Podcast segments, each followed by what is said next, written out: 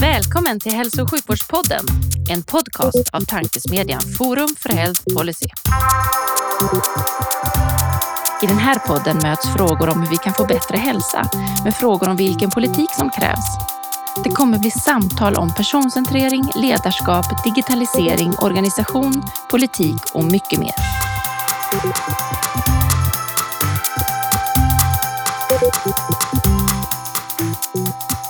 Forum för Health Policy är en oberoende tankesmedja som syftar till att driva på innovation och utveckling i hälso och sjukvården och omsorgen.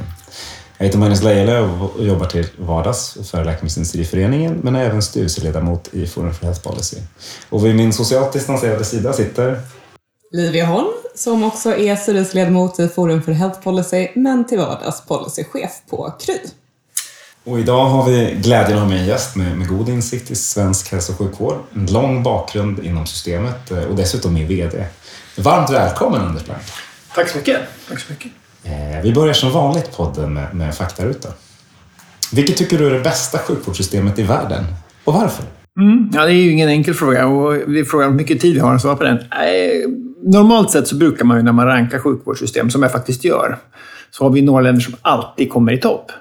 Det kan man, det kan man säga. Det finns några länder som levererar väldigt bra. Sverige är ett av de länderna som ändå någonstans hamnar i har högt i rankningar när man tittar på en lång rad olika eh, parametrar och faktorer. Jag skulle säga, tittar man generellt sett på de som kommer i topp så är det länder som har eh, lite mindre länder, lite mindre, mer koncentrerade länder än vad vi har. Tittar man på Andorra brukar komma bra, Island brukar komma väldigt bra, Schweiz brukar komma jättebra. Men då brukar man förklara det med att de har en väldigt, de har större koncentration av sin, eh, sin specialiserade vård. Och att de har mer utbyte med andra länder. Man använder i större utsträckning andra länders kapacitet till sånt som man själv inte anser sig ha möjlighet att ha, eller kompetens att ha eller utrymme för att ha. Eh, annars så kan man ju Sverige, Norge väldigt högt upp generellt när man tittar på system som ska ta hand om en hel befolkning. Kanske lite mer diversifierad befolkning än vad vi har. Eh, sen kan vi titta generellt så brukar man säga att Frankrike ansågs väldigt länge ha världens bästa sjukvårdssystem. Och det förklarades väldigt, väldigt mycket av två saker. Väldigt, väldigt god tillgång till moderna behandlingar. Ganska hög ambition där, men också framförallt väl utbyggt familjeläkarsystem. Idag pratar man inte lika mycket om Frankrike. Vad kan det bero på då? Nej, men Frankrike har genom, ganska, genomgått en ganska tuff period. Frankrike upplever att det är ett land där fokus har varit, varit ganska, ganska eh, konfrontatoriskt klimat. Vi kommer ju prata mycket om samverkan idag. Vi, pratar, vi älskar att prata samverkan och det är något som vi är ganska bra på i Sverige generellt. Vi kommer till det sen när vi ska utvärdera vad som har hänt det sista året.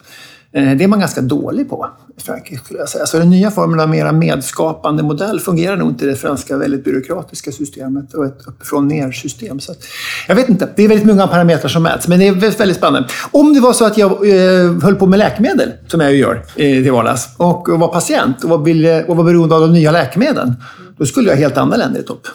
Då skulle jag då ha Tyskland och Danmark. Och Österrike och Spanien. Eh, men det är en parameter just som handlar om tillgång till behandling. Så är man en patient som behöver den typen av behandling och hoppas på genombrott där så är det de länderna som är bäst. Men tittar man på andra sjukdomsområden och kanske allt, när allt hänger ihop i form av ett system så levererar vi väldigt bra i Sverige. Vi ställer den här frågan till alla och får, har fått ganska olika svar. Det, det tyder rätt mycket på att det är en ganska komplex fråga. Men man lyfter utifrån sitt eget perspektiv lite olika system. Eh, Schweiz och Andorra har inte lyfts hittills. Är det något du skulle, förutom att storleken, den kan vi inte lära oss så mycket av. Men är det något du skulle vilja plocka? Det var en ganska stor ut, uh, ut, undersökning som gjordes av eh, Washington University tror jag, för några år sedan. De hade kallat in några av de främsta experterna på att just ranka sjukvårdssystem, som Martin McKee till exempel från eh, London School of Tropic Hygiene and Medicine, de heter, och som sitter i, i eh, ett antal olika eh, bodies på Europanivå som granskar system som tittade på en lång rad olika parametrar eh, och rankade just Andorra, Island och Schweiz i topp. Och Andorra bryr sig ju ingen om. Ingen vet var Andorra ligger. Island vet man är ett väldigt speciellt land. Det är 300 000 invånare, bara 200 000 bor i Reykjavik. Eh, och sen är det Schweiz då, som alla vet är, har alldeles för mycket pengar. Eh, men någonstans så hamnade de länderna i topp när man tittade på, på vårdkvalitet. Alltså i termer av, av eh, vad medicinska utfall. Däremot har ju till exempel Schweiz ett väldigt dyrt system. Så skulle man länka det till kostnader och kostnadseffektivitet så hamnar de ju längre ner. Så att, ja, det, det finns nog en hel del intressanta saker. Att de är små, små, högt specialiserade. I små läser jag in att det är ett kontrollerbart område som du har att göra med. De behöver inte ha massa underindelningar. Alla vet att Island har bara Reykjavik och sen är det landsbygd. Så man behöver, Det finns en som bestämmer, det finns en minister, det finns en myndighet som bestämmer. Jag tror att det finns mycket i det att göra. Men det är också svårare ju mer komplexa, komplexa länder du har. Och framförallt när du har olika typer av regionaliserade system. Så, så är det en, en poäng, det är så vi vill ha det, men det skapar också ökade problem när man ska samordna. Men därför blir jag nyfiken på Schweiz, för de är ju rätt investerade. Men det, vi, vi kan... Men Schweiz räknas ju också som ett av världens mest innovativa länder. Titt- Tittar man på innovationsindex så hamnar Schweiz i topp. Och det skulle man inte tro om man har varit i Schweiz. Det är ett ganska gammaldags land, de har stängt på söndagarna. Eh, Det som vi mycket pratar om modernitet, är det inte långt fram, men de är extremt höga, höga tal när det gäller olika typer av, av innovativa parametrar. Så att det, det hänger nog ihop med det. Andorra och Schweiz har ju bra skidåkning också. Det är synd att Island är med, annars hade det Ja, kanske nej, varit en koppling. Ja. Nej, men det här är otroligt svårt. Jag tror att därför, så, därför upplever jag också att vi inte längre pratar om att vi har världens bästa system eller ska vara världsbäst, men att vi ska, vi ska ha ett system i världsklass. Vi ska ha en vård i världsklass. Det är lite grann för mig, man, det, går nästan inte att, det går nästan inte att mäta. Faktiskt. Ändå har vi en del visioner. E-hälsa 2025, där har vi satt bäst i världen som eh, något typ av generellt eh, mått. Eh, så Och att använda digitaliseringens möjligheter. Mm, absolut. Jo, nej, men ambitionen är att vi ska vara ett ledande forskningsland, vi ska vara ett ledande life science-land. Men det är bra när man inte riktigt vet exakt vad man ska mäta, för då kan man hitta sånt som passar in i den beskrivningen oavsett vem man är. Och det är nog, det är nog ganska bra. När man plockar sjukvård så är det ju väldigt, väldigt komplext. Det finns nog ingen mer komplex samhällssystem eller samhällsmodell som man ska försöka styra. Så det är nog genuint svårt. Det var en snygg segway det där. Vad, vad ska man mäta då? Vilka, vilka är de tre bästa parametrarna? Ja, det där är en jättesvår fråga. Och tittar man, jag, jag tycker fortfarande att det, det, bästa vi har och där man jämför över tid, det är, ju, det är att gå på de här parametrarna som antingen mäts av OECD, när en Health at a glance, eh, och sen, eller som mäts då i form av eh, EUs olika typer av jämförelser de gör över, över eh, olika EU-länder. De hänger ju oftast nu ihop. EU baserar studien numera på OECD, vilket är väldigt bra. Eller det vi gjorde traditionellt i våra öppna jämförelser i, i Sverige. Som vi fortfarande gör, men som inte alls får samma uppmärksamhet i Sverige, vilket jag tycker är intressant. När Sveriges kommuner och, och landsting som hette på den tiden utvecklade det ihop med Socialstyrelsen. Men det är en stor sak att man började öppna upp och jämföra olika parametrar mellan regionerna. och Jämföra, för att se om man kunde få ett, ett lärande och liksom en, en nivåhöjning på kvaliteten liksom, genom att jämföra. Nej, men det där är svårt. Alltså, nu, hur man än säger så säger man ju fel. Va? Men, jag, men någonstans, som jag skulle ändå säga, skulle jag säga att jag, jag tycker att väntetid från diagnos till behandling är en väldigt viktig. Eh, tillgänglighet är viktigt, men till all form av tillgänglighet är inte lika viktigt. Det kan vi nog, det kan vi nog hävda. Och det där, däremot måste man känna att man har tillgång till vården, även för att ställa en enkel fråga. Men det kan vi försöka lösa med digitala hjälpmedel och annat. Va? Men, alltså, men just att när man väl har konstaterat att man faktiskt har en diagnos och behöver en viss typ av behandling, så är den väntetiden tycker jag väldigt, väldigt viktig. Sen kan man naturligtvis säga att den är viktigare för vissa diagnoser. Ja, men om man nu skulle säga generellt väntetid från diagnos till behandling skulle jag säga är viktig. Sen skulle jag säga att det är de här lite hårdare måtten patienten. Eh, jag, jag väljer att inte ta med de här patientnöjdheterna, för jag tycker det, de är väldigt, väldigt viktiga, för det kommer man sen. Om man ska vara mer patientcentrerat så är det klart att du måste veta vad, vad, vad du uppskattar i ditt liv, eh, som inte löser, löser fel sak. Men generellt sett, ska man titta på systemnivå så skulle jag säga att någon form av sjukvårdsrelaterad åtgärdbar dödlighet. Där jag skulle säga att jag antagligen har kommit ganska väl ut om man tittar under, under pandemin. Där sjukvårdens leveransnivå har varit väldigt god. Det är, inte, det är liksom inte det som har klickat. Men alltså om man väl så att säga, behöver vård och man förhindrar dödlighet. Och det andra är ju egentligen påverkbar slutenvård. I vad mån får du slutenvård för någonting som du inte behövde ha slutenvård för? Så att, jag menar, skulle man ta väldigt grova på systemnivå skulle man säga att det är ändå någon, någon slags liksom, att man får, behand, man får behandling inom rimlig tid när man väl har bestämt att du ska ha det. Och sen att man inte hamnar i slutenvård om man inte behöver. Att det, som den här nivåstruktureringen. Och sen att man faktiskt inte eh, att man faktiskt inte dör av saker man inte behöver dö av. Man- Man får ju det man mäter. Det där är saker som i alla fall jag skulle vilja få. Alltså det vill säga, inte dö, höll jag på att säga. Absolut, jag tycker om också, det var, det var tre eh, bra och ganska konkreta exempel faktiskt, som lite eh, nyanserar eh, vissa svar som vi har fått tidigare kring till exempel väntetider. Det var, jag tycker, jag gillade den ytterligare nivåstruktureringen på det. Eh, fråga tre då här i faktarutan. Eh, just nu så utvecklas ju eh, framtidens vårdinformationsmiljöer runt om i landet. Eh, har du två medskick till de som sitter eh, med den här utvecklingen konkret? Vad ska vi tänka på framåt för att det ska bli bra? Mm, en jättebra fråga. Eh, och man kan tänka den är ännu bredare till och med. Så vad, vad, alla de här som jobbar med att förbättra sjukvården generellt. Så att säga. Nu råkar det vara vårdinformationssystemet som ligger på bordet och väldigt mycket handlar om det just nu. Och inte minst under pandemin. Där vi måste, det visas att vi behöver hitta andra lösningar för att, för att hantera vårdens vardagliga problem. Och vi måste hitta det och det går att lösa väldigt många saker. Eh, så. Jag skulle säga att fortsätta sitt slit för det första. För att det här är ju ett slit vi har på med ganska många år. Går man tillbaka och tittar på frågan, sen kan vi välja att kalla den för hälsodata, eller vi kan kalla den för digitalisering, eller vi kan kalla den för vårdinformationssystem, så är det en fråga som har varit på bordet i många, många år. Och vi har gått ganska långsamt. Mm. Och det beror ju inte på att det inte finns eldsjälar som driver på och, inte, och ser alla de här möjligheterna. Men fortsätta orka fortsätta slitet och peka på de konkreta lösningarna. För det är fortfarande så att vi saknar, tycker jag, en, en generalplan för Sverige. Det är vår utmaning som land, att vi har, vi har inte de där generalplanerna. Vi har oftast uppdelat i både på kommunal nivå, 290 kommuner och 21, 21 regioner som är ansvariga och som behöver hitta modeller som funkar där samtidigt som vi behöver den här generalplanen. Så att orka, orka hänga i och slitet och jobba med små, små förbättringar hela tiden. Jag tror att det är den svenska modellen. Vi har inte de här enorma satsningarna där man går in och köper upp ett vårdinformationssystem för hela landet som ska implementeras överallt. De länder som har gjort det har inte lyckats så bra heller faktiskt. Så att, eh, orka, eh, orka och kämpa.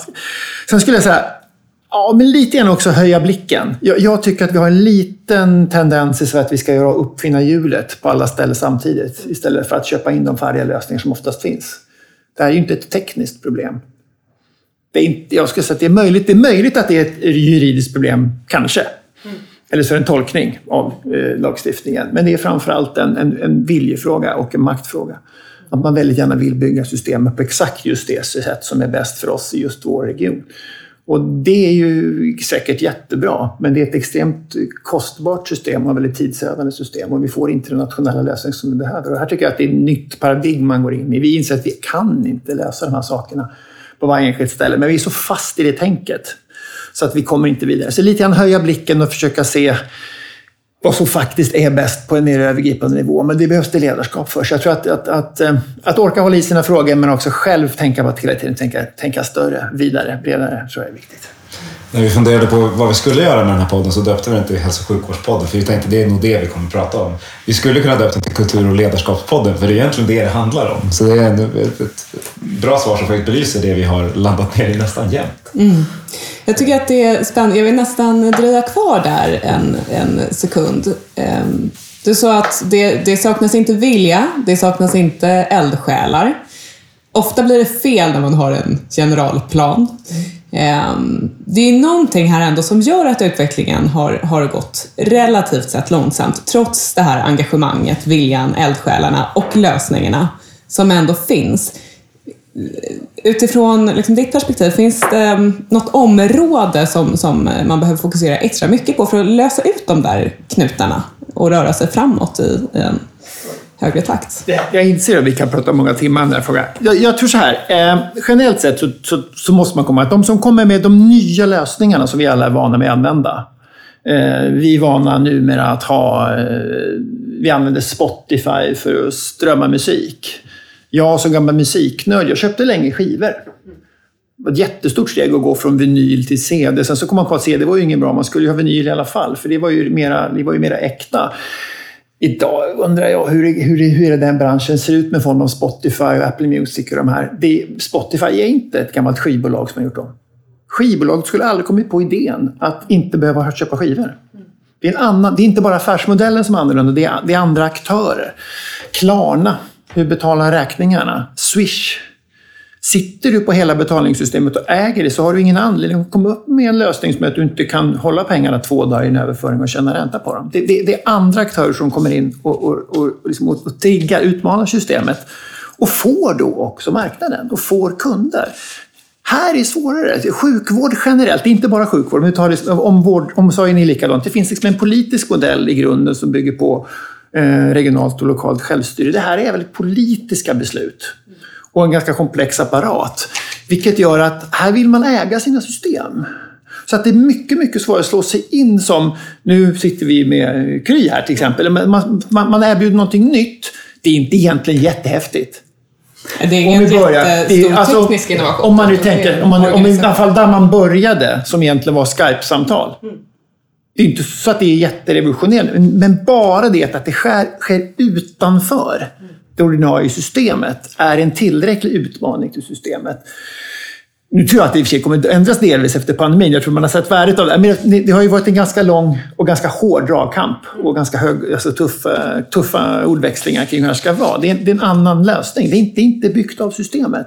Och det här gäller ju nästan alla system. Titta på bilar. De som kommer med de riktigt balla elektrifierade bilarna är inte samma. Det är inte samma företag. De andra försöker haka på. Och det händer ju jätte, jättemycket nu, men de som triggar systemet det är andra aktörer. För du sitter inte kvar i det gamla systemet. Det, eh, det, så att någonstans för att det är utmaningen, att det tar lång tid för att det här utmanar systemet så till milda grad. Och systemet är väldigt politiserat. Det är också väldigt indelat i stat, region, region, region och kommun. Och det är inte bara vi utanför det systemet som tycker att det är vi tycker det är en märklig ordning, men de som är i systemet tycker att det är en viktig ordning. Det är viktigt att kunna stå som minister och säga att det här är regionernas ansvar. Eller regionerna säger att det här är kommunernas ansvar. Så försöker vi hitta sätt att samarbeta. Men vi utgår hela tiden från att det är inte ett gemensamt ansvar. Det är någons nivå som har ansvaret. Och det är liksom ett helt ointressant i ett medborgerligt perspektiv. Men det är jätteviktigt för de som jobbar i systemet. Så att det är nog ett bevis snarare på komplexiteten i vårdsystemet och hur lång tid det tar med någon form av förändring. Alltså i generellt sett. Vi har pratat om en primärvårdsreform sedan 96. Den kanske kommer nu. Ja, men det är intressant och det, är just om att äga system som du säger. För det är precis när vi går mot en utveckling där man inte äger system. Ingen äger system. Man, man jobbar tillsammans med olika system. Och det är väl det som blir intressant att se om vården kan ta till sig det. För det är ju ett paradigmskifte, just det, det sättet som måste ske, höll jag på att säga. Och sen så ska jag säga, sen ska jag då försvara, nu låter det väldigt negativt, försvara vården också. då, Men man är också extremt påpassad i integritetsfrågan. Som jag tror fortfarande vi, vi som kommer från näringslivssidan underskattar. Och vi underskattar hur, hur, så att säga, hur hård den är att hantera internt. Liksom att så fort skulle gå någonting gå fel i någon region någonstans så skulle det bli ett, ett gatlopp i media. Som, som gör att du hellre inte gör någonting än att göra fel. Och det, och det tror jag man måste ha viss förståelse för. En individuell entreprenör kan ta en risk, kan till och med spela på en risk. Man kan till och med hitta riskfinansiärer. Alltså det, det finns någonting i det. Men just det här när det är så otroligt granskande eh, av makten i det här fallet så tror jag att man, man, det, fin, det finns någonting i det som jag har förståelse för som, jag, som bromsar upp. Och vårt system är ju skapat för att vara ganska trögt. Men det gör när vi vill ta de här stora stegen så blir det, så blir det svårt att ta de här stegvisa förändringarna som vi, som vi i vana fall är, alltså vi är vana att göra det. Stegvisa förändringar, inkrementell utveckling. Oavsett om det är läkemedelsutveckling eller om det är i vården. Vi lär oss lite bättre. Det kommer en ny studie, vi gör på ett lite annat sätt. Här ska vi ta stora steg och det är systemet inte riktigt lämpat för. Ska jag säga. Nu har vi en fråga som, som vi alltid tar i faktarutan som kan bli, bli intressant att höra ditt svar på. Berätta din finaste patientanekdot. Och Ja, ja, absolut. Eh, och, och, och jag funderar på, har jag någon fin patientaktivitet? Och eh, har ju haft väldigt mycket kontakt med sjukvården genom åren, faktiskt. Inte för egen del dock speciellt mycket, men jag har haft både en, en, en, en en pappa som eh, hade Parkinson i hela, min, i hela mitt liv. Han, han fick Parkinson innan jag föddes till och med. Eh, och följde hans eh, sjukvårds... Jag vill inte kalla det för en karriär, för det var det verkligen inte. Och det var långt innan det fanns några effektiva behandlingar att kunde sätta in och sånt. Så att mycket kontakter med sjukvården. Jag vet inte om det var, någon, det var, inte, så, det var inte så ljust och vackert, men det var heller inte... Någon, det, fanns liksom inte det var en helt odramatisk lång karriär. Så jag har en bror som har en, en, en, en livslång funktionsnedsättning, så att jag har sett honom från det perspektivet. Men det har varit medvarning på omsorgssidan. Sen har jag en dotter som har en kronisk sjukdom. Eh, och det har funkat väldigt bra. Sen finns det liksom inga anekdoter runt det. Så den bästa anekdoten jag kan komma få faktiskt, det var en sån här, att jag tänker på dig Magnus som är väldigt mycket, håller på väldigt mycket med sport. Jag har också en son som, som eh, är väldigt fotbollsintresserad. Och eh, en sån här fotbollsmatch ute i, i, i norra, norra förorterna. Och han får en spark med en dobbsko över hela, hela, hela ansiktet. Så här. Eh, ni vet, en, han klarar näsan och han klarar ögonen med någon slags änglavakt så att det, bara sprutar blod. De får linda ut och så ringer de mig då. Jag är ju inte där, så han, han har gjort illa sig lite grann. tränar så får de åka dit med honom. Så jag får skjutsa in honom till Danderyds akut. Det här är ju sent en fredagkväll, det är tio. Man tänker det här kommer ju liksom, det här kommer ju vara katastrof. Vi kommer ju bli sittande där hela natten. Men ett otroligt fint bemötande. Eh, supermycket att göra på akuten, fantastisk personal. De tog hand om på det alldeles utmärkt sätt. Eh, skickade hem honom, pratade med honom, eh, hanterade honom med en enorm respekt och en enorm eh, skicklighet liksom, och hanterade det här med en väldigt orolig pappa kan jag säga. Eh, så, eh, men på ett fantastiskt fint sätt. Och eh, jag måste säga det var en stor eloge att, att klara av att hålla det i det här trycket. Det här var innan pandemin ska jag säga, som tur var. Men i alla fall, det var en enormt fin anekdot. Så det är fantastisk sjukvård där ute. Kanske inte alltid man läter om det, men, men det, det, det är ju inte, det är, det är en ganska ordinär historia. Jag, vi har mestadels positiva effekter faktiskt av vården, men ingen sån anekdot som involverat mig själv. Men fantastiskt fint. Den där tycker jag är rätt bra. Jag ser, ser blodet framför mig, höll jag på att säga. Jag är glad att det, att det slutade väl. Mm. Den där änglavakten kan man ju bara se framför sig. Absolut. Eh, men, men, men det, och det är lite därför vi, vi vill lyfta att det finns olika bra och dåliga sidor, men också så intressant att se vad olika perspektiv, hur olika perspektiv och olika ingångar gör att man tänker på Men jag, men jag tror att, det, jag tror att det, det kanske jag sett, det är väl som de olika delarna. För jag skulle säga att skulle man peka på något område som jag tror det kommer att bli diskussion om framöver så är det just hur vi hanterar eller, vården i, inom äldreomsorgen eller vården för de äldre i de här gränsytorna. Återigen, de här gränsytorna mellan den akuta vården som jag skulle säga för Sverige i mångt och mycket tror jag funkar jättebra. Vi har problem med väntetider och sånt i akutsjukvården. Absolut, det är för att folk söker sig dit för att det finns andra brister. Det är inte den som brister, det är inte sjukhusvården, det är inte sjukvården för allvarliga tillstånd när det väl får vård. Alla säger det. Personalen är fantastisk, man får ett jättebra bemötande, mm. men det var svårt att komma fram. Det var svårt att komma till, men när väl fick det. Så jag tror att det visar snarare det, tror jag, än att det är det andra området som man har de, de, de mer kroniska besvären, de besvären som är mer komplexa, som innehåller där vi liksom inte har de här bryggorna mellan de olika systemen riktigt, utan vi är kvar i våra ansvarsområden och vi, och vi, ehm, vi pratar fortfarande om huruvida kommunerna ska få anställa läkare. Det pratade vi om när jag jobbade på, i statsförvaltningen 96. Ehm, det är samma frågor. Så att där någonstans ligger vår utmaning i systemet. Hur tar vi steg framåt nu och lär, lär av de erfarenheter vi har fått det sista året? Mm. Det är de här mellanrummen eh, som, som vi behöver arbeta vidare på. Jag tänkte att vi eh, eh ska prata lite om dig också. Eh, jag är så nyfiken. Vad, vad, vad innebär, vad är din roll idag? Vad innebär det? Vad, vad gör du? Ja, det kunde ju Magnus svara på. Vad, vad upplever han att jag gör? vi, kan, vi kan ta det som ett läxförhör till Magnus nej, också. Men... Nej, men jag är, jag är som sagt, jag är ju... Jag har två roller idag, eller jag, är, jag har två titlar. Jag är både generalsekreterare och VD. Jag är generalsekreterare i föreningen. Vi har ju en förening som är då Föreningen för de forskande läkemedelsföretagen i Sverige. Sen ser jag ju då VD i bolaget, servicebolaget som egentligen sköter den mesta delen av verksamheten. Och, och våra medlemmar är ju med liksom i både och. De, de är ju med i föreningen och i föreningen sker egentligen bara den rena verksamheten. Det finns en stämma som väljer en styrelse som hanterar vissa formella saker. Vi svarar på remisser och sånt. Men sen sker all den verksamhet som vi kanske jobbar mest med, så att säga, som är arbetet med våra medlemmar och våra olika expertnätverk och eh, arbetsgrupper och det utåtriktade arbetet med events och sånt där som är i regi i bolaget. Eh, och det har jag gjort sedan 2011 blev jag VD. Jag kom hit 2005 och var vice VD först i ett antal år. Och kom hit egentligen för att jag skulle bygga upp något som heter den samhälls, samhällsekonomiska avdelningen.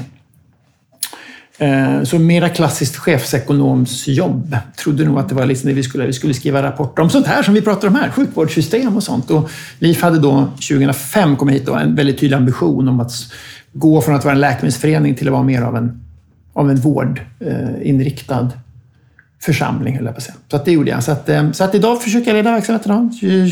25 anställda plus fyra stycken traineer. Vi har fyra stycken unga, unga traineer också, så knappt 30 då är vi. Mm. Och hur hamnade du där? Eh, Vad är din bakgrund som, som jag, är, jag, är ekonom, jag är ekonom från huset här bredvid, Handelshögskolan. Mm. Eh,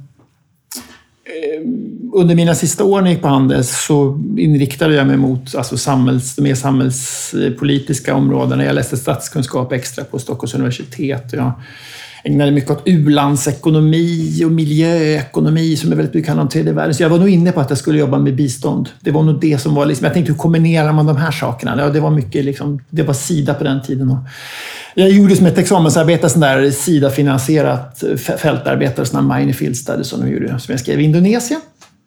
eh, om industriella timmerplantager. Det kan vi ha någon annan gång. Men i alla fall, eh, så gjorde jag det. Eh, och eh, sen så skrev jag en uppsats, sen kom hem och så skulle man skriva på uppsatsen och tänkte att här, jag, jag måste ju börja söka jobb. För måste, det kommer ju ta tid. För som alla tänker man, jag är så speciell så det kommer ta väldigt lång tid innan någon förstår vilka värden jag sitter inne i. Jag sitter inne här och all, all den enorma kompetens som bara går runt här. Så att eh, jag började söka jobb och då sökte jag faktiskt. Jag sökte något sidojobb, jag sökte jobb på näringsdepartementet, socialdepartementet. Jag sökte den typen av jobb. Jag tänkte, jag har ingen aning. Liksom. Och nästan direkt kom jag på intervju på socialdepartementet. På eh, något som hette Äldre och handikappenheten på den tiden. Det känns väl gammaldags, men som var. Eh, och eh, fick jobb där. Och, och, det var först i efterhand jag insåg att jag var inkvoterad. Eh, för de hade överskott av äldre kvinnor som hade socionomutbildning. Så att jag var en udda fågel. Eh, nej, lite så var det. Eh, men det var väldigt roligt eh, och jag blev väldigt hemma där. Så jag blev kvar i departementet från 2000 jag kommer knappt ihåg när jag började. 1993 började jag där på hösten. Och då hade jag inte skrivit klar min uppsats. Jag gjorde klart den samtidigt. Jag skrev den. Och sen så blev jag kvar där till 2004. Men gjorde olika saker på departementet. De sista fem åren så jobbade jag på, eh, som chef på hälso och sjukvårdsavdelningen på, på socialdepartementet. Så jag gick den långa vägen från handikapp, äldreomsorg, socialtjänst över till sjukvård. Och sen blev jag chef där. Sen så hade jag gjort det så fick jag fråga om jag ville börja på LIF. Och då sa jag ja, det låter ju trevligt. Ja, vad spännande. Ja. Jag hade nästan tänkt mig att du hade en, en längre erfarenhet specifikt i läkemedelsbranschen också. Men det... jag, har aldrig varit, nej, jag har aldrig varit i ett enskilt företag. Jag kom direkt dit som vice. Men det var ju delvis att man ville ha en vice VD här då på LIF och just att fokus skulle vara då på den här samhällsekonomiska aspekten. Mm. Så det var min vårdbakgrund, vårdkunskaperna egentligen som man var ute efter tror jag. Och vad var det som lockade, lockade med LIF från departementet? Mm. När jag på, redan när jag började med sjukvårdsfrågan, 93 började jag på departementet och sen så 99 måste det vara, 99, eh, så hade jag varit på min andra pappaledighet eh, och kom tillbaka och då eh, fick jag frågan om jag ville gå över till hälso och sjukvårdssidan på departementet och bli budgetsamordnare och ta hand om Socialstyrelsen och sådär som lite myndighetsansvar och sånt. Så gick jag dit. Och då var, liksom, då, då var läkemedelsfrågan var het det var, det var, liksom, det var de här årliga förhandlingarna mellan staten och landstingen om, om läkemedelskostnaderna för förmånsläkemedlen. Och redan då skulle landstingen ta över hela kostnaden och man förberedde massa saker hela tiden och förhandlade. Så det var en ganska stor del av liksom budgetarbetet där på sjukvårdssidan var läkemedel. Så att jag kom in ganska tidigt på läkemedel, även om det var en av alla andra frågor som jag jobbade med. Ehm, och läkemedel är extremt komplicerat.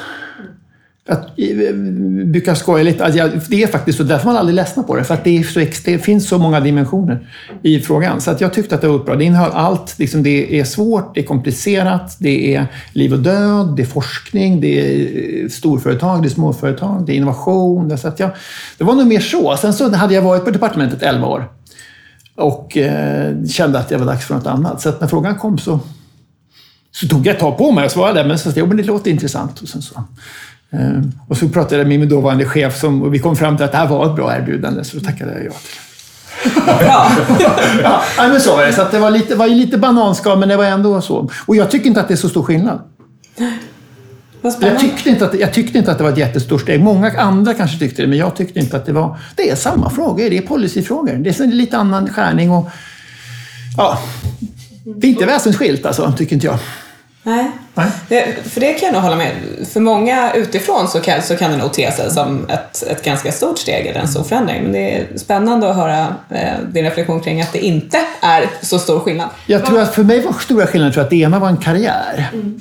Departementet var liksom, det var det jag hade sett framför mig att jag skulle... Men du förstår vad jag menar? Jag hade utbildat mig, jag hade gjort det, kom in på departementet, gått den långa vägen på departementet, blivit chef Därför är ju nästa steg, det är ju då att göra ett riktigt, riktigt bra jobb så hoppas du får att du får ett, ett annat chefsjobb i staten någonstans. Så det var, det var väl, det svåra beslutet var liksom att hoppa av att hoppa av staten på något sätt och göra något annat. Så det, var, det var mer ett parallellt spår. Det var liksom varken uppåt eller neråt, det var parallellt. Och den tror jag liksom var, för mig var den stora delen.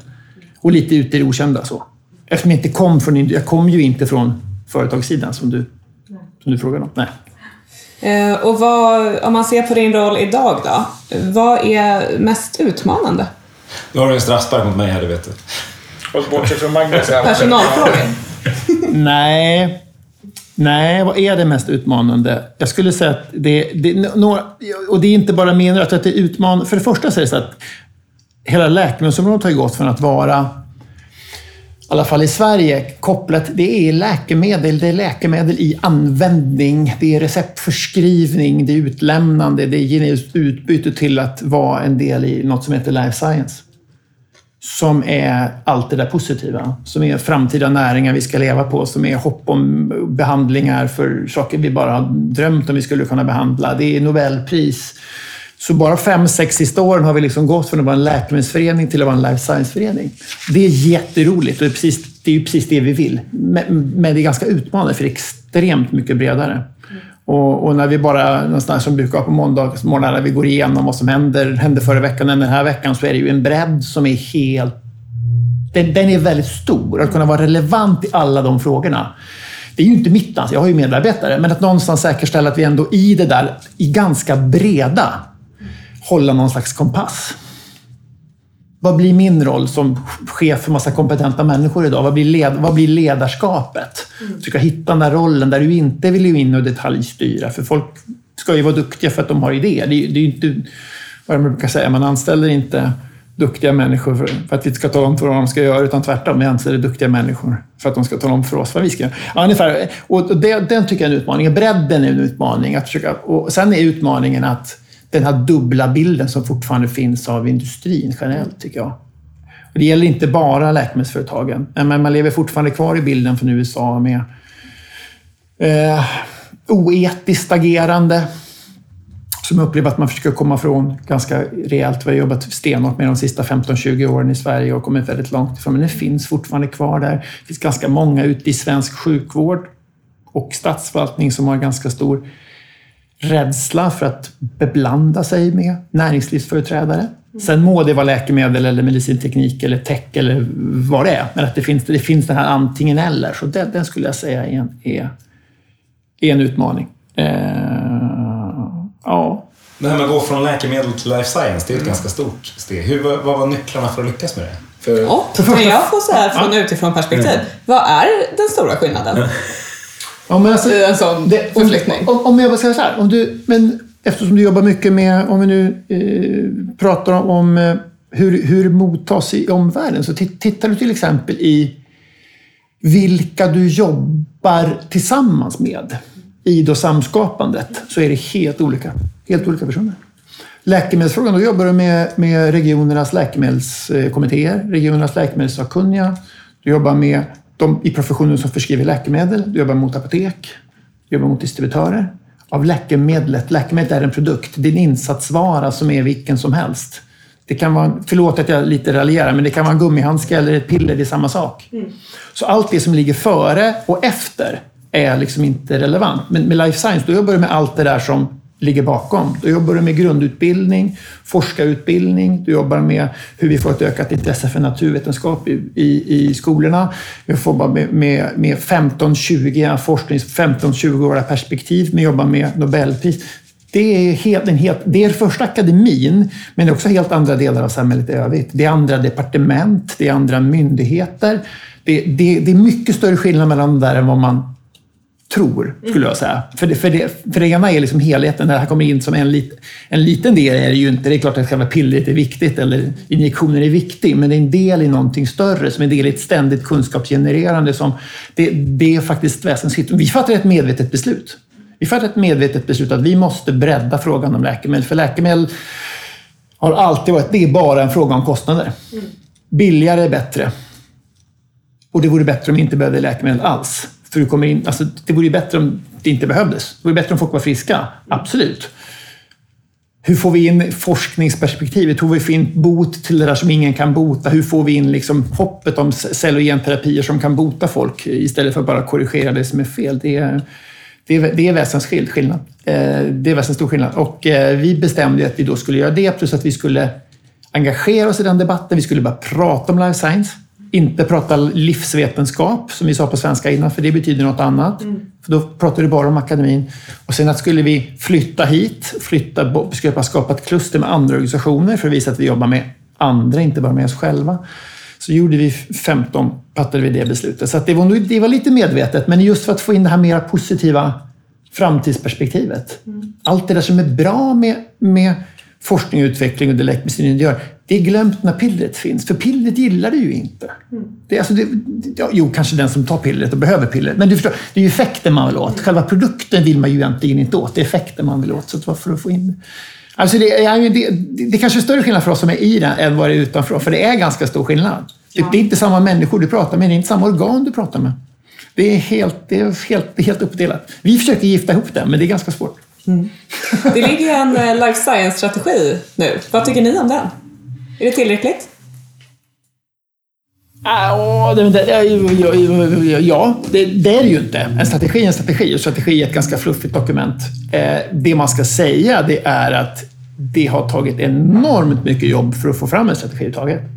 Och att det ens finns en strategi Eh, är ju liksom en, en, en, framgång för väldigt många och någonting vi tycker är väldigt bra. Det är väldigt få områden som har en strategi som är, som är, liksom är fast, fastslagen av regeringen på regeringens papper och stämplad och fattat regeringsbesluten är förhandlad med Sveriges kommuner och regioner. Det finns ju ändå en strategi som är, som är regeringens politik. Sen är en strategi en strategi. Vi har en e-hälsostrategi också. Den ska genomföras också. Den ska genomföras också. Och då är det handlingar, då är det, då är det action som behövs. Då är det handlingar. Då behövs det en handlingsplan. Ja, det, ja, sen hur du utformar det spelar kanske inte så stor roll, men det behövs liksom fyllas på med en handlingsplan. Men jag måste nog säga att vi har en life strategi Vi är väldigt positiva till den. Vi är väldigt positiva till att vi har ett life science-kontor som då ska förvalta strategin. Det finns inga andra sektorer som har ett eget kontor. Det har vi. Så att det är väldigt svårt att stå där och säga att det inte Alltså, att vara negativ till det. Vi är väldigt positiva till det. Men däremot så räcker ju inte det. Vi är ju inte framme för det. Så är det ju inte. Utan här behövs det handlingsplan, det behövs action, det behövs en tydligare prioritering och koordinering av olika insatser på central nivå. Och det är ju inte minst de områden som, som vi antar jag jobbar väldigt mycket alltså allting som har med digitaliseringen, e-hälsa, hälsodata att göra, så krävs det ju någon som tar lead. Mm. Och det saknar vi kanske fortfarande som nästa steg i strategin. Vi sitter här precis när jul när vi spelar in det här och det händer ju mitt efter, ett, eller mitt, vi är mitt i en pandemi under ett år. Lärdomar utifrån, utifrån pandemin eh, tänkte vi oss, men här kan man lägga till. Eh, vi sitter ju och väntar på vaccin just nu. Mm. Hur ser, eh, som, ja, men, du i din roll och så, som branschföreträdare, det här med vacciner och hur det har förändrat branschens roll, men också vad, lärdomar generellt från, från pandemin? Mm. Det blir en sån här bred fråga. Ja, men börja, börja med lärdomar från pandemin då, så kan vi komma in på på, på vaccinerna efter det. Eh, lärdomarna från pandemin är ju både positiva och negativa kan man väl ändå säga. Va? Alltså det finns ju ett antal positiva lärdomar och det är att vi faktiskt i mångt och mycket har skapat en ny, nya former, nya initiativ för att faktiskt samarbeta. Man orkar nästan inte säga samverkan, för det, för det har alla sagt så mycket, men någonstans att samarbete har, har varit väldigt viktigt. I alla fall vi ser ju det när det gäller våra medlemsföretag. Liksom, och det gäller ju allt från att tillhandahålla basbehandlingar till intensivvården, som ju var det som var det stora, eh, stora orosmomentet ett tag, tillgången till dem, beroende på att efterfrågan ökar så enormt i Europa. Gånger, det, är ju, det, är, det är ju gånger tio. Det går ju liksom inte, det går liksom inte, det går inte att jämföra med vad efterfrågan är i vanliga fall. Och dessutom efterfrågan att ha i, i, ifall att alltså för en intensivvårds, intensivvårdsplats är ju inte bara en säng, det är ju allting som krävs runt en intensivvårdsplats. Du måste ha ifall att. Och till exempel uppskalningen här när man byggde om eh, Älvsjömässan till ett fältsjukhus som aldrig kommer att behöva användas, vilket ju var väldigt bra. Men det är klart att det är enorm, det är enorm efterfrågeökning och det gäller att kunna leverera då, för annars får man ju dålig kritik för att man inte levererar. Men också att hitta praktiska lösningar på det, upplevt ett gott samarbete med Sveriges kommuner och regioner, både, både föreningen men också de enskilda regionerna. Gott samarbete med apoteken, med distributörer. Alltså det, det, samverkan har ändå något. Man har försökt lösa de problem som har funnits och visa en annan nivå på diskussionsklimatet i Europa också. Där man har veckovis avstämningar med alla som behöver vara med för att säkerställa att man måste lösa det. Man måste lösa det här ihop. Det här var innan vaccinerna då. Eh, så det, det, är ju det positiva och att systemet är ganska resilient. Vi har faktiskt inte haft några läkemedelsbrister som har orsakats av pandemin, fast man kunde tro det ett tag. Framförallt kunde man tro det av skriverierna, för ingenting Jag har aldrig varit med om att folk har ringt mig hem på helgen från sjukvården och sagt att men Anders, Anders, vi har ju ingenting i vårt lager på mitt sjukhus. Jag var ute och tittade. Så här, shit, liksom, det, du ska veta att det brukar inte finnas något i det laget när du tittar annars heller. Men du går aldrig dit och tittar annars. Alltså, för det är en annan modell som man jobbar med. Så att mycket där har fungerat väl, tycker jag. Lärdomarna är också att vi inte alls var beredda. På systemnivå inte alls beredda. Eh, inte alls ha den pandemiberedskap vi behöver ha för den här typen av situationer. Eh, ganska rörigt. Eh, initialt ganska rörigt med vem då i den här modellen som har ansvar för vad. När man säger nationellt ansvar, vad menar man då? Vad betyder det?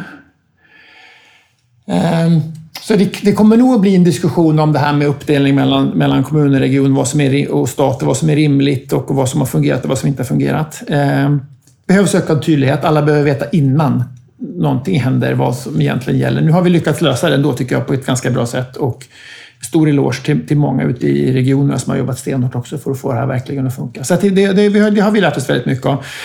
Eh, som sagt, både positivt och negativt. Eh, det vi också har lärt oss för att ta oss in på vaccinerna, det är ju hur otroligt viktig den här sektorn är. Företagen i den här sektorn, är, helt plötsligt så är vi med i varenda tidning hela tiden. Varenda nyhetssändning. Det finns inte en enda nyhetssändning. Alla pratar om antingen behandlingen, för de här, innan var det ju de tänkbara potentiella gamla läkemedel som kunde användas eller nya. Och nu har det varit vacciner. Vi har pratat om inget, inget annat än vacciner i månader. Helt plötsligt så är vacciner mänsklighetens räddning. Och det är också en ny situation. För vi alla vet ju att Nej, alla vet inte det, men de flesta tror jag vet att vaccinationer generellt sett historiskt har varit väldigt bra. Mm. Det är vaccinationer och rent vatten och antibiotika som har liksom... jag har ett livslängd och sånt, vi måste leva här. Men det är en annan sak till att just jag ska vaccinera mig och behöver det här nu. Och det här som jag säger nu, alla ska ha tillgång till vaccin innan det ens finns. Och man står först i kön för att bli vaccinerad. Det är liksom en situation vi aldrig har, har, har upplevt, tror jag. Vi brukar ju säga att hur vi som bransch då klarar av att liksom leverera mot det här löftet som nu finns, den förväntan, det kommer ju avgöra väldigt, mycket av, av eftermälet. Mm. Alltså det, det gäller att hantera det här bra. Det, det är en enorm kraftsamling. Alltså de, de insatser som gjorts är helt, är helt galna egentligen. Att det är på mindre än ett år från det att vi, vi visste inte ens att det fanns något som hette covid-19 för ett år sedan och nu har redan de första vaccinationerna skett i England och USA och eh, Ryssland vet man inte riktigt om de kör något eget och Kina. Men ni förstår, det, det, är liksom det vi brukar säga åtta år. Fem år om det går väldigt fort. Tre år kanske om det hade gått i raketfart. Nu har det gått på ett år. Och någonstans, alla säger jag tycker ändå att det har gått för lång tid. Så att hela och det är så, naturligtvis triggad av pandemin, men det är en helt ny situation. Den får man fundera mycket på vad den får för effekter på, på sikt. Mm. Har du några spaningar vad, vad det här kan eh, eh, liksom innebära för, för branschen eh, framöver? An, anseendemässigt har det varit väldigt positivt. Det är ju all, det är ju man kan inte spekulera vad som händer om någonting går snett. Det får vi bara hoppas att det inte gör. Vi, vi, historiskt sett så har det ju varit ändå fram, framgångsrikt med vaccinationer.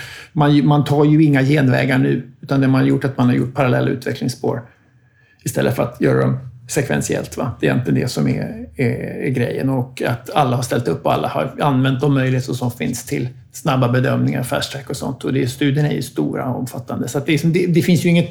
Där tar man ju inga genvägar. Men att anseendemässigt har man ju stärkt Alltså man har varit en del i pandemin. Man lyckades lösa det här. Man har levererat värdefulla produkter. Alla har sett bara hur otroligt viktigt det är att vi har någon form av läkemedelsföretag som kan leverera produkter. Eh, så, det, det är anseendemässigt positivt. När det gäller utveck, utvecklingsmodellerna så är ju frågan vad händer runt med dem. Om vi nu kunde göra på ett år, varför ska vi hålla på med andra saker i 15 år? Var, vad lärde vi oss av det? Vad var det, vad var det vi gjorde här? Vi kan hitta massa saker till att det, att det gick så snabbt. Man var beredd, man hade gjort grundforskning, allt det där. Men alltså, vad, vad får det för konsekvenser för utvecklingsmodellerna och, och så, eh, kraven på regulatoriska systemet? Liksom, den diskussionen kommer att finnas, tror jag. Men sen har vi väldigt mycket frågan om hur man hanterar den här frågan eftersom kravet är också att, att vacciner ska finnas tillgängliga till hela världens befolkning utan, egentligen utan kostnad. Mm. Och man kan säga väldigt mycket om företag, men företag är oftast väldigt svårt att tillhandahålla någonting gratis. Man kan tillhandahålla gratis någonstans för att man får betalt någon annanstans, men att det egentligen ska vara så att du ska få, här är det ju under självkostnadspris över hela, till hela världens befolkning.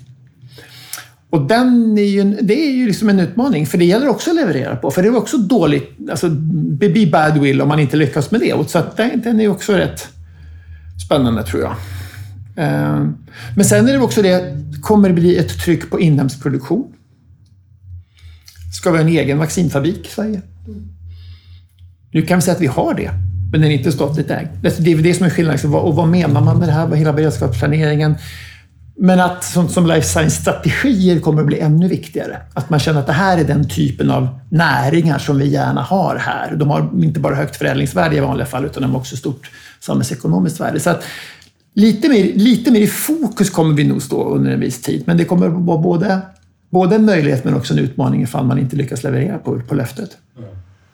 När vi, när vi sen tar, tagit oss vidare lite från det, vilket vi hoppas naturligtvis att, att vi kommer komma till, så kommer två, eh, två av de stora trenderna just nu. Mm. Ena är god och nära vård, som ju är jättebred, mm. och precisionsmedicin och ATMP som är ganska smal, fast ändå väldigt bred. Mm. Hur ser du på, på eh, läkemedelsindustrins roll i de två aspekterna av det? Mm.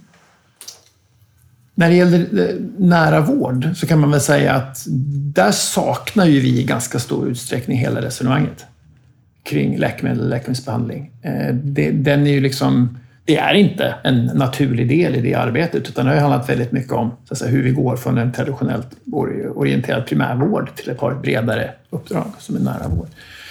Som är helt nödvändigt tror jag i och för sig. Eh, för det är den ena utvecklingstrenden, det är ju att det som, det som går att lösa nära nära människor måste ännu närmare. Och där tycker jag ju digitaliseringen och den typen av digitalisering digitala lösningar måste ju vara en, en huvuddel, tror jag, i detta. Har, vi försöker ju fundera över vilken roll vi har i, i, i nära vården. Det är helt vanligt att läkemedel är den vanligaste behandlingsinsatsen du får. Och den är oftast, är, oftast är det billiga eh, läkemedel du får och, och tar under lång, under lång tid. Och där kostnaden på apoteket egentligen är, en, är, är, är, är så låg så att du inte ens når upp till högkostnadsskyddet under ett helt år fast du betalar själv. Det är ju en basbehandling liksom som måste fungera och risken där är väl snarast att det inte finns tillräckligt stort intresse för de frågorna för att eh, korrigera till exempel felaktig läkemedelsanvändning. För det är, inte, det är inte en ekonomisk fråga. Är det billiga läkemedel så är det inte en ekonomisk fråga. Vi, vi kommer till precisionsmedicin sen, där det är alla andra perspektiv som gäller. Nära vården är en utmaning, tror jag. Generellt så tror jag att det är en utmaning i att fullfölja den reformen. Och för mig är det fortfarande ganska otydligt vad det egentligen betyder i konkreta åtgärder. Men att det är en nödvändig så att säga, drive att köra ut den nära vården närmare patienterna, det tror jag är helt nödvändigt. Men vi har pratat om det i 20 år. Och riktigt så ser jag, förutom det, det massiva politiska stödet för det, som vi ju har nu, det är ju ingen som är emot. Alla är ju för. Mm. Och det arbete som Anna då, Nergård har gjort under väldigt lång tid med att förankra, jobba väldigt öppet, under lång tid, vara väldigt tillgänglig, alltså för, sälja in det gör att du kanske har ett annat momentum i liksom att det finns en allmän acceptans. Men det ska bli spännande att se hur vi går för den sjukhustunga struktur vi har. Och det är ju inte någon som kan säga att vi har haft lite nytta av sjukhusen under den här perioden. Så går det ju inte att sluta investera i sjukhus. För det, alltså den slutsatsen kan man så hur hittar vi liksom eh, kraften och resurserna för att investera då i den nära vården? Så det blir väl en utmaning. Jag säger inte att det handlar så mycket om läkemedel. Det, det, det tror jag mera fortsätt säkerställa att vi har ett effektivt system som levererar goda läkemedel till, eh, till, till rimliga priser under hela deras, hela deras livslängd. Och många av dem som sagt är väldigt, många läkemedel är över 40 år gamla. Åtminstone över 20 år gamla, så det är, liksom det är inte, det är inte en kostnadsfråga. Precisionsmedicin och ATMP, eller ATMP som är de avancerade läkemedelsprodukterna, klumpas ihop oftast då, är, är ju som sagt i andra spannet. Där handlar det ju snarare om sånt som man får Nobelpris för. Där pratade precis, Chris Berg precis fick ju Nobelpriset för, som det är precis det, precis det vi håller på med. Um, det är ju den andra utvecklingsdelen. Det går ju både så att säga, mot enklare, närmare, som är nära vård och det andra är ju den högspecialiserade vården. Uh, där är nog behövs en hel del investeringar i infrastruktur och utbildning. Jag tror att en sån sak som saknas idag är till exempel en allmän bredare utbildningsinsats till vårdens beslutsfattare, men också till vårdens medarbetare faktiskt, om vad precisionsmedicin är och innebär. Och nu pratar alla om det som är fantastiskt sådär, men liksom vad, vad det är egentligen, det, det, precisionsmedicin är ett förhållningssätt. Det är ju att genom diagnostik kunna säkerställa att du träffar rätt. Det är ju verkligen rätt behandling till rätt patient vid rätt tillfälle. Det är ju mer än enstaka produkter, utan det är ju ett förhållningssätt. Och sen de produkter som kommer i egenskap av den som inte är billiga och gamla, utan som är nya och högteknologiska och oftast botande behandlingar. Så det här är ju en annan, helt annan diskussion. Där har vi ju en väldigt central roll. Men där behöver vi nog en tydligare motpart. Eller med, alltså vem är det vi ska diskutera de frågorna med kring det som behöver göras? Men här pågår det ju väldigt många olika initiativ. Men lite grann där också behöver vi den tydliga ledarskapet tror jag, på nationell nivå. Vem, vem vi ska prata För här handlar det verkligen om att de här behandlingarna kanske inte ens ska göras i Sverige. Om vi ska vara helt ärliga. De framtida behandlingarna kanske ska på ett ställe i Europa. Eller ett ställe i Norden. Vi pratar inte om ett ställe i varje region i Sverige. Va? Vi pratar kanske ett ställe i Sverige. Eller ett ställe i Europa. Och där upplever jag den frågan är svår. Då ryggar man lite grann kring den. Alltså hur ska vi göra det? Eh, och i steg ett så är det oftast ganska små patientgrupper så vi borde kunna passa på att lära oss av det. Hur vi ska hantera det här under den tiden innan det Innan, vi behöver, innan, vi, innan det handlar om tio och invånare, det gör det ju inte. Va? Men att just att denna, denna, återigen, samarbetet med andra blir, blir väldigt viktigt. Jag kan inte styra det här själv, utan då blir det mycket lättare att bara säga nej. Så där behöver vi, eh, behöver vi bli bättre. Vi behöver bli bättre från industrin och hjälpa till med kunskapsunderlaget. Att tala om vad det här faktiskt är och vad det inte är. Så att, eh, nej, jag skulle säga att där, där, jobbar vi nog mera här och nu än vad vi gör med nära vårdfrågan. Vi jobbar mycket med nära vårdfrågan, men jag, jag, tror inte att det finns inte riktigt tydliga läkemedelsperspektivet där på samma sätt. Bra svar. Eh, innan vi började prata här, off mic som det väl heter, så sa Anders, hur ska någon orka lyssna på, på det här i mer än 50 minuter? Jag tror att de flesta är kvar nu, för jag tycker det har varit ett väldigt bra samtal, en väldigt spännande diskussion. Mm. Eh, det säger jag inte bara för att jag jobbar med Anders, utan för att jag tycker att den har varit bra. Eh, är det något du känner, det här har ni glömt eh, att prata om, det här tycker jag inte jag har fått diskutera idag? Jag tycker att det som vi hela tiden glömmer bort, är, eh, bara som en, eh, som en, som en sån cliffhanger, vi kan ta en annan timme någon gång, det är egentligen frågan om patienternas roll. För jag tycker att, vi sitter i sådana samtal idag också tidigare, att just att vi, vi pratar väldigt mycket om en patientcentrerad vård, vi ska ha patientmakt och sånt, men det görs extremt lite för att verkligen lyssna på patienterna vad de vill. Det måste finnas patienter och patientrepresentanter i alla beslutande organ. Om du verkligen menar allvar med den nära vården som handlar om att du ska faktiskt ut och förstå vad folk vill ha. Det betyder också att vissa inte vill ha. För vissa är värda att inte få en livsuppehållande behandling eller den enklare eh, hantering för min astma för att då får jag bieffekter och de är värre. Du måste lyssna på patienterna i alla, alla lägen och de måste in i alla beslutande organ. Och hur tusan gör vi det när patientföreningar och andra inte ens har, någon, har en rimlig finansiering? Det är ganska lätt att säga, men det är svårare att. Ja, alla tycker det. Men vi har sagt det så länge och vi, jag ser inte... Det finns några myndigheter som har bruk, brukarråd, som de inte ska heta, eller patientråd och sånt. Absolut, men har de egentligen något inflytande i beslutsfattandet? Där har vi en del kvar och vi har också en del kvar i hur ska man kunna bedriva den typen av avancerad patientrepresentativitetsarbete utan en, en ordentlig finansiering. Och den tror jag är en sån fråga som vi, behöver, som vi behöver göra mycket, mycket mer. Och överhuvudtaget patientcentrering i realiteten, tycker jag. Vi, vi pratar om patientcentrering, men det är också ett begrepp. Alla vet att det är bra med nära vård. Alla vet att det är bra med digitalisering. Alla vet att det är bra med patientcentrering. Men då behöver vi inte göra någonting åt det för alla tycker det är bra. Och det är där det någonstans klickar. För det, det, det just, den, den, den, logiken finns inte. Så det skulle jag säga att det, det kanske Forum kan ha som sin... Ni har det. Forum har redan det som en av sina Absolut. och där kommer vi tillbaka till eh, skillnaden mellan en vision som alla kan stå bakom och eh, faktiskt genomförande för att realisera det.